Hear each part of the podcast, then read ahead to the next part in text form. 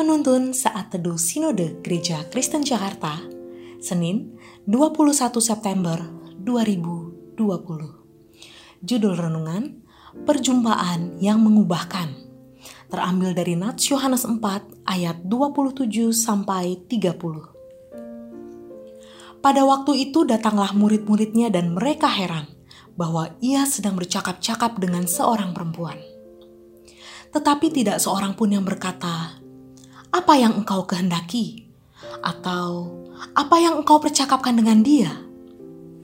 Maka perempuan itu meninggalkan tempayannya di situ, lalu pergi ke kota dan berkata kepada orang-orang di situ, "Mari lihat, di sana ada seorang yang mengatakan kepadaku segala sesuatu yang telah kuperbuat. Mungkinkah dia Kristus itu?"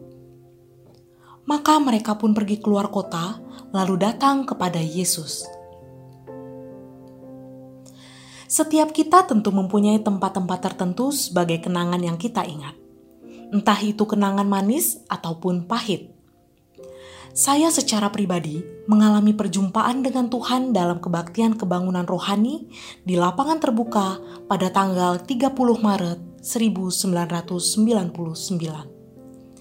Pada saat itu, saya didoakan oleh pendeta Jonas Soisa dan saya mengalami kasih Tuhan yang begitu luar biasa yang dapat mengubahkan hidup saya.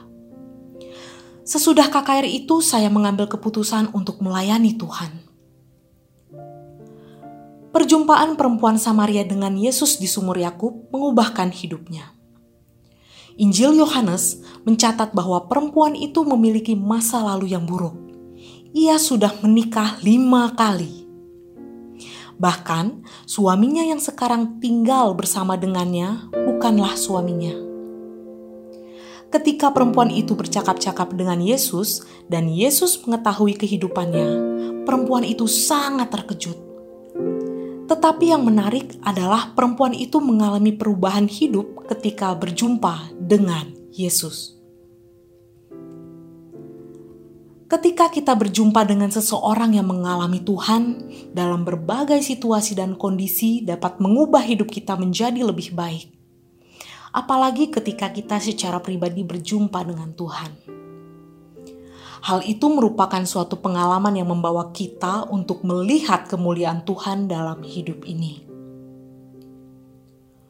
Perjumpaan yang mengubah hidup kita dari seteru Allah menjadi seorang anak Tuhan adalah sesuatu yang sungguh berharga, sehingga seluruh hidup kita akan berada di dalam naungan tangannya yang penuh kuasa. Perjumpaan pribadi dengan Tuhan merupakan hal berharga dan istimewa. Perjumpaan yang mengubahkan hidup menjadi lebih baik. Tuhan Yesus memberkati.